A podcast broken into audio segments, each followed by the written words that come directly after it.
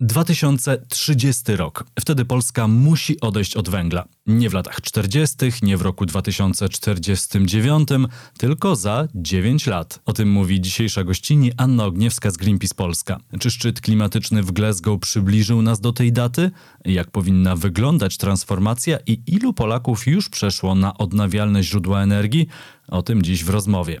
Obserwujcie stronę facebook.com kośnik zielony podcast i mój profil na Instagramie. Polecam, tam w relacji zawsze dużo aktualnych zielonych informacji, ale też okazja do zadania pytań kolejnemu gościowi albo gościni. To zaczynamy.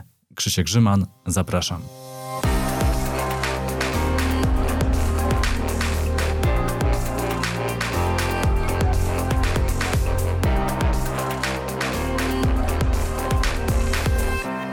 Gościnią Zielonego Podcastu jest Anna Ogniewska, ekspertka Greenpeace Polska do spraw polityki klimatycznej i ekspertka Koalicji Klimatycznej. Dzień dobry. Dzień dobry Państwu. Byliśmy z dużą grupą ekspertów zresztą w ten poniedziałek na polskim szczycie klimatycznym, co po Glasgow, spotkaniu zainicjowanym przez partię e, Zieloni. Było dużo słów krytyki dotyczących konkluzji szczytu e, w Glasgow. A ty w jakim nastroju, z jaką energią rozpoczęłaś ten tydzień po szczycie? Ja nie byłam załamana. Na pewno nie byłam w nastroju takim, że już wszystko jest stracone, bo jakby nastroje wśród osób komentujących wyniki szczytu klimatycznego w Glasgow, kolejnego kopu, były bardzo zróżnicowane. Od e, takich, które prezentuje młodzież i aktywiści, aktywistki zaangażowani w walkę ze skutkami kryzysu klimatycznego, w przeciwdziałanie katastrofie klimatycznej, to te osoby były niemal zdruzgotany tym, że tak naprawdę światowi liderzy, politycy zostawiają ich trochę na lodzie, bo oczekiwali bardziej zdecydowanych działań, konkretnych planów, konkretniejszych deklaracji, takich, które doprowadzą nas do utrzymania wzrostu globalnej temperatury na poziomie około 1,5 stopnia w stosunku do epoki przedindustrialnej. I to się nie zdarzyło. My cały czas po tym szczycie klimatycznym jesteśmy na ścieżce do katastrofy, ponieważ jeżeli będą zrealizowane obecne deklaracje do roku 2030, to wzrost temperatury może wynieść około 2,4 stopnia Celsjusza. A jak mówią to naukowcy, może to być dla ludzkości tak naprawdę katastrofalne. No, każde pół stopnia y, to jest tak naprawdę y, katastrofa, o której rośnie y, temperatura na naszym globie. Tak sobie jeszcze myślę a propos reakcji po szczycie, że myślę, że nam Polakom i Polkom szczególnie trudno jest komentować wyniki tego porozumienia, biorąc pod uwagę sytuację w naszym kraju. My mamy bardzo duże oczekiwania co do wszystkich światowych liderów, natomiast Polska, no, ta skamielina dnia myślę, że otrzymana przez polski rząd na szczycie klimatycznym była bardzo zasłużona i to nie tylko za sam brak deklaracji, czy za niejasną deklarację daty odejścia od węgla, ale moim zdaniem za całokształt y, polityki klimatycznej naszego kraju. Tak, i tutaj można być bardziej pesymistycznym. Ja właśnie zdałam sobie sprawę, że nie powiedziałam, dlaczego ja nie miałam takiego negatywnego nastawienia w przypadku poprzedniego pytania. Więc może tutaj dodam, że ja z kolei wolę patrzeć na to, za, zacznę od tego, żeby jakby skonkludować mimo wszystko poprzedni wątek, że ja mimo wszystko patrzę na to z tej perspektywy, ile udało się zrobić i żeby mieć tą nadzieję, że my to półtora stopnia możemy cały czas osiągnąć, bo mimo wszystko, patrząc na to, że w konferencjach klimatycznych bierze udział 197 państw i 197 państw próbuje ze sobą negocjować różnego rodzaju stanowiska, my tak naprawdę cały czas mamy szansę, żeby do roku 2030 obniżyć obniżyć globalne emisje około połowy i żeby być na tej ścieżce do półtora stopnia. Ale patrząc właśnie na takie państwa, które próbują tutaj wywracać stolik do góry nogami, mm, to, to można być e, mniej optymistycznym. Polska cały czas e, jest uzależniona od węgla. Cały czas robi wszystko, żeby nie robić bardziej zdecydowanych działań, nie podnosić tej poprzeczki zdecydowanie wyżej, nie mówić społeczeństwu otwarcie, co trzeba zrobić i niestety spowalnia działania. Mimo wszystko jesteśmy my i to my będziemy tak naprawdę głosować na partie polityczne, my obywatele. Są młodzi ludzie, są eksperci, są naukowcy, są też inni politycy, polityczki, którzy coraz więcej mówią o konieczności podejmowania bardziej adekwatnych działań, cały czas w sposób niewystarczający, ale to jest krok do przodu. Coraz więcej jest zobowiązań, które mówią o tym, że czas węgla się skończył. Podobnie właśnie w tym porozumieniu po Glasgow, pakcie klimatycznym z Glasgow po raz kolejny zostało wymienione to, że musimy odchodzić od węgla i kończyć subsydiowaniem paliw kopalnych. E, a jakie wnioski są ze szczytu w Glasgow dla Polski?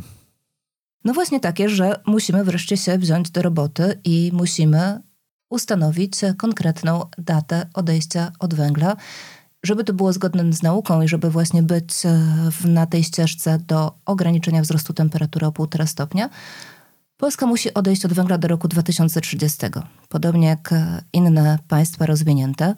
I o tym nie mówią już tylko i wyłącznie organizacje pozarządowe, czy też naukowcy zajmujący się klimatem, ale między innymi i sekretarz generalny ONZ Antonio Gutierrez, czy też Międzynarodowa Agencja Energetyczna. Tak, a z drugiej strony y, polski rząd podpisuje się pod porozumieniem o odejściu od węgla. Jako kraj rozwinięty powinniśmy to zrobić w roku 2030 czy w latach 2030. No tymczasem ministerstwo prostuje i mówi, że jednak w latach 40., czyli zgodnie z tym porozumieniem z górnikami. Tam co prawda chodziło wydobywanie węgla, a nie o spalanie węgla, no ale to nas zostawia z rokiem 2049, no czyli hen hen y, za późno. To, to, to co się w takim razie wydarzy? to nie mogą być lata 30, tylko to musi być do roku 2030, żeby być zgodnie z nauką. Więc e, tak naprawdę to powinien być e, cel wszystkich państw Unii Europejskiej i polskiego rządu. Zostajemy trochę już coraz bardziej na lodzie. Nawet Ukraina ma cel 2035, e, datę odejścia od węgla w roku 2035. My pozostajemy trochę z tyłu i tak naprawdę jest to oszukiwanie społeczeństwa, oszukiwanie górników bez tego, jak my jawnie postawimy cel na rok 2030. Możemy być w jeszcze gorszej sytuacji za kilka lat niż je, jesteśmy teraz.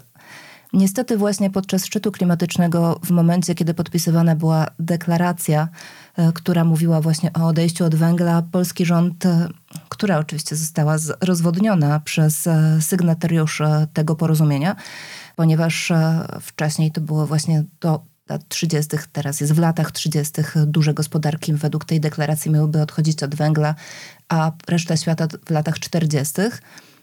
W ogóle szokujące jest to, że polski rząd był w stanie w jakiś sposób interpretować e, podpisanie tej deklaracji tak, że Polska cały czas e, należy do tej drugiej grupy, bo polska gospodarka jest 23 gospodarką świata według danych Banku Światowego z poprzedniego roku była 21 gospodarką świata. Jesteśmy członkiem Unii Europejskiej. Mamy możliwość skorzystania z gigantycznych funduszy na transformację energetyki i gospodarki w kierunku neutralności klimatycznej. Wszelkiego rodzaju środki unijne można i powinno się tak naprawdę wykorzystywać na transformację gospodarki do tego, żeby przystosować się do zmieniającego się otoczenia i do zmieniającego się klimatu są środki z systemu handlu uprawnieniami do emisji, które tak naprawdę będziemy musieli wykorzystywać na działania proklimatyczne. W tej chwili one są przejadane i rozpływają się gdzieś w budżecie, nie wiadomo na jakie cele. To wszystko powinniśmy wykorzystywać i działać na rzecz tego, żeby przeciwdziałać katastrofie klimatycznej, a nie chować się za plecami państw dużo bardziej narażonych na najbardziej katastrofalne skutki kryzysu klimatycznego za plecami państw naprawdę ubogich i takich, które wymagają pomocy. To po prostu jest e, gigantyczna hipokryzja ze strony polskiego rządu, że w taki sposób mogli z jednej strony podpisać deklarację mówiącą o odchodzeniu od węgla, a z drugiej strony interpretować to nas nie dotyczy. To może jeszcze spójrzmy na liczby, bo w Polsce udział węgla w energetyce to jest około 70%, tak było w ubiegłym roku, średnia w Unii Europejskiej 14%. No i wiemy, że te kraje unijne są zróżnicowane. Mamy Francję, która mocno postawiła na atom, mamy Niemcy, które od atomu wychodzą, ale z kolei jako paliwo przejściowe będą e, wykorzystywać e, gaz. No nie zmienia to jednego, że Polska rzeczywiście od węgla jest uzależniona najbardziej. No i teraz, y, wiedząc o tym, że aktualny rząd y, raczej w sprawie odchodzenia od węgla y, niewiele zrobi, no bo tak na to wskazują wszystkie dotychczasowe działania. No z drugiej strony, patrząc na postawę Polaków, którzy są bardzo chętni do instalowania fotowoltaiki, użytkowników OZE w Polsce, takich prywatnych mamy już ponad 700 tysięcy, czyli ponad 700 tysięcy prosumentów, a w przyszłym roku to już może być milion. No to pokazuje, że naprawdę zainteresowanie jest, wystarczą tak naprawdę nieduże dopłaty, y, żeby Polaków i Polki y, do tego y, zachęcić. To co, musimy czekać do następnych wyborów i dopiero po tamtych wyborach jakaś dekarbonizacja się zacznie polskiej energetyki? Czy może coś jeszcze innego wymusić te zmiany? Ja myślę, że wymusić zmiany mogą postawy Polaków, które będą prezentować w sondażach tak naprawdę, bo wiadomo, że nasi rządzący, i nie wiem czy obecnie tylko, ale tak naprawdę większość polskich polityków jest zależna od, uzależniona od sondaży. Więc jeżeli my Polacy rzeczywiście zaczniemy się domagać e, głośno, wyraźnie, bardziej dobitnie tego, że chcemy zmiany, ta zmiana w końcu będzie musiała nastąpić. I ona przyjdzie albo z zewnątrz, albo przyjdzie dzięki temu naszemu nastawieniu i wymaganiu, albo przyjdzie w końcu w jakiś sposób dotrze do rządzących, że węgiel po prostu nie jest ekonomiczny. On się zwyczajnie nie opłaca. Ani jego wydobycie, ani tak naprawdę korzystanie z węgla w dalszym ciągu w gospodarce się nie opłaca. I moglibyśmy patrzeć na to też z perspektywy takiej, że skoro jesteśmy najbardziej uzależnieni, to mamy największe szanse tak naprawdę, żeby się zdekarbonizować szybko, żeby pokazać, że my zaczynamy działać. To tak naprawdę te kraje, które mają najmniej tego węgla paliw kopalnych w gospodarce, muszą najwięcej zadziałać. I szczerze mówiąc, to już 30 lat nie wykorzystujemy tej szansy i za każdym razem mówimy, że jeszcze mamy czas, że jeszcze nie możemy odejść od energetyki węglowej. Tymczasem zdecydowana większość polskich bloków energetycznych jest przestarzała i tak naprawdę musi być wymieniona, bo działa już w tej chwili dłużej niż zostało to zaplanowane, kiedy były one budowane. Musimy odejść od węgla do roku 2030, od gazu niewiele później, około 5 lat później i od ropy tak naprawdę dalej. I inwestować w odnawialne źródła energii oraz poprawę efektywności energetycznej przede wszystkim. I to jest tak, że Polacy rzeczywiście są bardzo, bardzo optymistycznie nastawieni do rozwoju energetyki odnawialnej i inwestują w przydomowe instalacje. Mam nadzieję, że nie uda się tak naprawdę stłumić tego rozwoju, bo w tej chwili w polskim parlamencie jest procedowany projekt, który będzie prowadził do dużo większej niepewności dla ludzi, osób, które chciałyby w przyszłości inwestować w przydomowe instalacje oraz może prowadzić do obniżenia opłacalności tego typu inwestycji. Mam nadzieję, że to się nie wydarzy, że tak naprawdę będzie jeszcze jakiś okres e, taki, który pozwoli zmienić ten system na taki, który będzie ludziom dawał więcej zachęt do inwestycji w przydomowe instalacje. Więc e, mam nadzieję, że to się nie wydarzy, że odblokowany wreszcie zostanie rozwój energetyki wiatrowej na lądzie, bo mamy ogromny potencjał w tym zakresie i musimy przyspieszyć budowę morskich farm wiatrowych, bo tutaj też rozmowy o budowie morskich farm wiatrowych trwają od wielu, wielu lat. I cały czas e, jest robione za mało, żeby tą energetykę rozwijać, chociaż już w tej chwili naprawdę tysiące osób pracują w sektorze, e, które produkuje urządzenia i komponenty na rzecz energetyki wiatrowej, chociażby i statki, i turbiny, e, łopaty, więc to wszystko jest budowane na potrzeby innych krajów, a moglibyśmy rozwijać e, własne przewagi konkurencyjne w tym zakresie, również na potrzeby naszego kraju. I tutaj nie powinniśmy patrzeć na to, że na przykład rozwój energetyki odnawialnej, szczególnie tej prosumenckiej, może w jakiś sposób wpływać na sieci, tylko tak naprawdę modernizować sieci elektroenergetyczne i rozbudowywać je właśnie pod kątem rozwoju energetyki odnawialnej, bo to jest nasza przyszłość. Poprawa efektywności energetycznej, odnawialne źródła energii to jest to, w czym my cały czas jako Polska możemy przodować, możemy wziąć udział w tym wyścigu technologicznym, innowacyjnym w rozwoju tych technologii. A węgiel Węgiel nigdy nie będzie już tak naprawdę w żaden sposób e, korzyścią dla polskiej gospodarki, zostanie tylko i wyłącznie takim bagażem, który będzie ograniczał konkurencyjność, ograniczał e, tak naprawdę wszelkiego rodzaju inwestycje w naszym kraju, bo coraz więcej inwestorów odchodzi od e, inwestycji, w które w jakiś sposób mają w sobie paliwa kopalne, nie chcą finansować tego typu inwestycji, więc albo przejdziemy na zieloną energię, albo będzie nas kosztować coraz, nasza gospodarka będzie coraz mniej efektywna, będzie nas kosztować coraz więcej. No, albo nas czekają jeszcze jakieś blackouty na przykład, albo problemy y, z importem no, tak energii tak. Z, z, z, innych krajów. Y, tak się jeszcze zastanawiam, no bo jesteśmy cały czas zakładnikami tak naprawdę rządzącej y, prawicy. Wiemy, jakie tam są tarcia i jak węgiel tam jest wykorzystywany w wewnętrznych rozgrywkach. Nie oszukujmy się, to też ma wpływ na opóźnienie dekarbonizacji energetyki, ale gdy sobie tak myślę o tym scenariuszu, który nakreśliłaś, to tak, idziemy w OZE, to wiadomo, w to małe przydomowe, w to duże, czyli wiatraki na lądzie, wiatraki na morzu. Miejmy nadzieję, że ten offshore w Polsce się uda.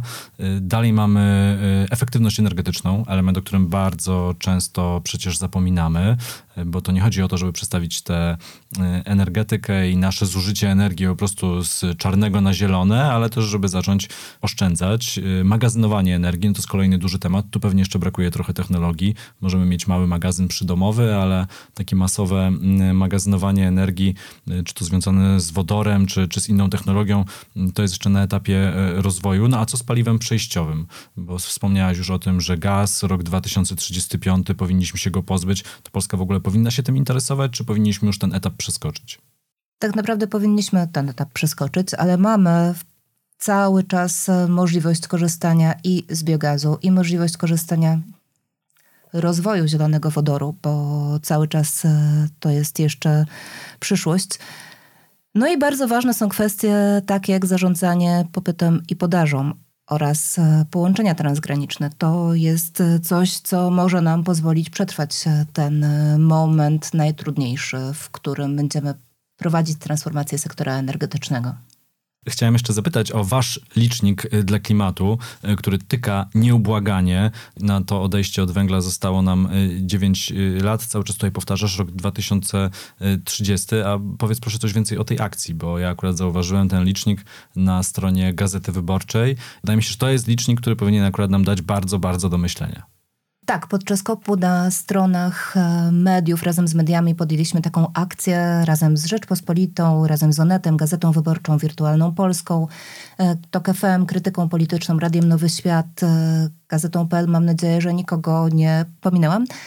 Taką akcję, która pokazywała, ile jeszcze lat zostało na podjęcie działań tak naprawdę, bo czas na to, kiedy podejmiemy takie zdecydowane działania, upływa. To klimat to nie jest coś takiego, że możemy się nim zająć później, bo jeżeli przekroczymy pewne punkty krytyczne, pewne granice, to wiele zmian może być już nieodwracalnych i nie uda nam się w żaden sposób doprowadzić do tego, że będziemy żyć w świecie w jakikolwiek sposób przewidywalnym dla nas. Ja tak naprawdę trudno sobie wyobrazić, co się może wydarzyć.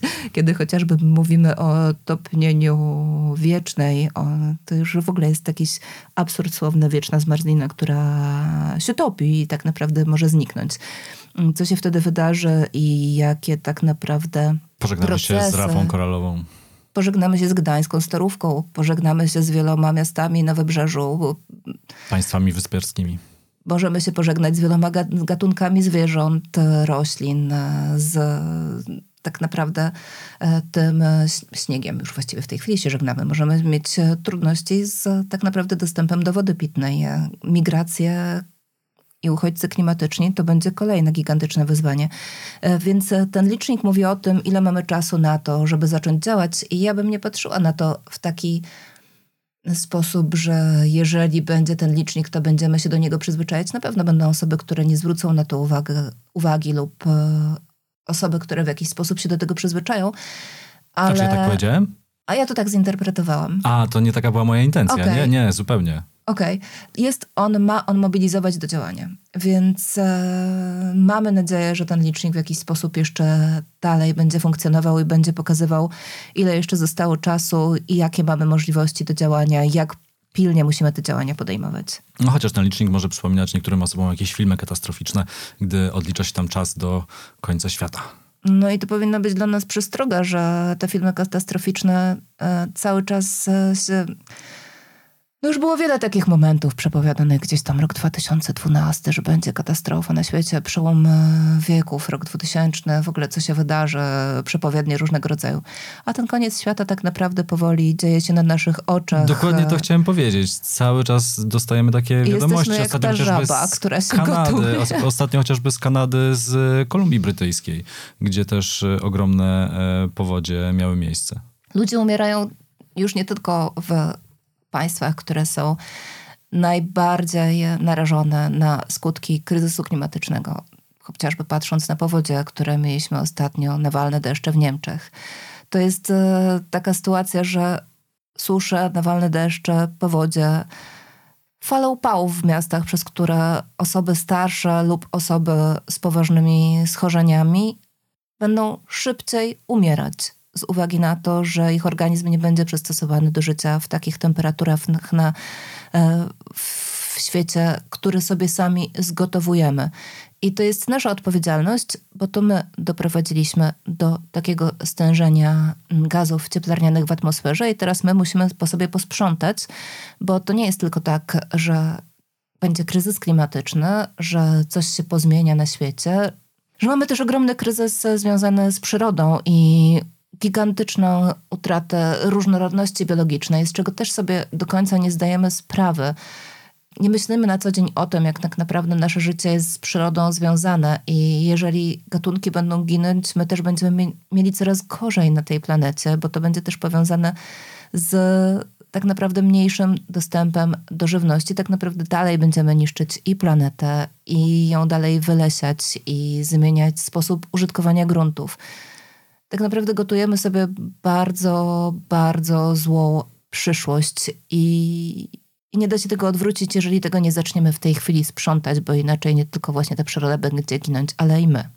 Tak sobie myślę, że nasi rodzice mogli mieć takie poczucie, że ich dzieci, czyli my, będą żyli w takim fajnym, wolnym kraju i ogólnie nie ma już wojen, przynajmniej w naszej części świata, chociaż e, z tym to też e, Opanujemy choroby. Opanujemy choroby, a tymczasem okazuje się, że żyjemy w koszmarnym e, kryzysie i no, tylko duża ignorancja pozwala pewnie żyć dzisiaj spokojnie. Ale na koniec chciałem jeszcze jedną rzecz powiedzieć, bo chciałem wam bardzo podziękować za to, że pomogliście alternatywnej delegacji na szczyt klimatyczny udać się do Glasgow, bo ja byłem bardzo zbudowany tym, że tak silna młoda ekipa pojechała tam z Polski. E, też e, gościłem tutaj w podcaście e, parę razy członkinie i członków tej alternatywnej delegacji. Uważam, że to super sprawa i w odbiorze medialnym to był super głos ze szczytu w Glasgow, że wypowiadali się nie tylko eksperci, nie tylko politycy, ale też właśnie młodzi.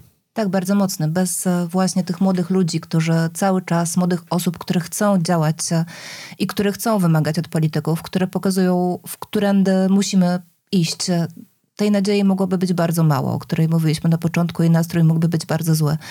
Ale dlatego, że są osoby, które chcą coś robić, brać sprawy w swoje ręce, możemy mieć nadzieję na to, że uda nam się po samych sobie posprzątać i że te działania będą przyspieszać, będą one adekwatne do wyzwania, przed którym stoimy. Anna Ogniewska, ekspertka Greenpeace Polska i Koalicji Klimatycznej była gościnią Zielonego Podcastu. Bardzo dziękuję za rozmowę. Dziękuję. To był Zielony Podcast, kolejny odcinek w niedzielę. W wolnym czasie zajrzyjcie na stronę facebook.com kośnik Zielony Podcast i mój profil na Instagramie. Tam w relacji zawsze dużo aktualnych zielonych informacji, ale też okazja do zadania pytań kolejnemu gościowi albo gościni. Krzysiek Grzyman, do usłyszenia.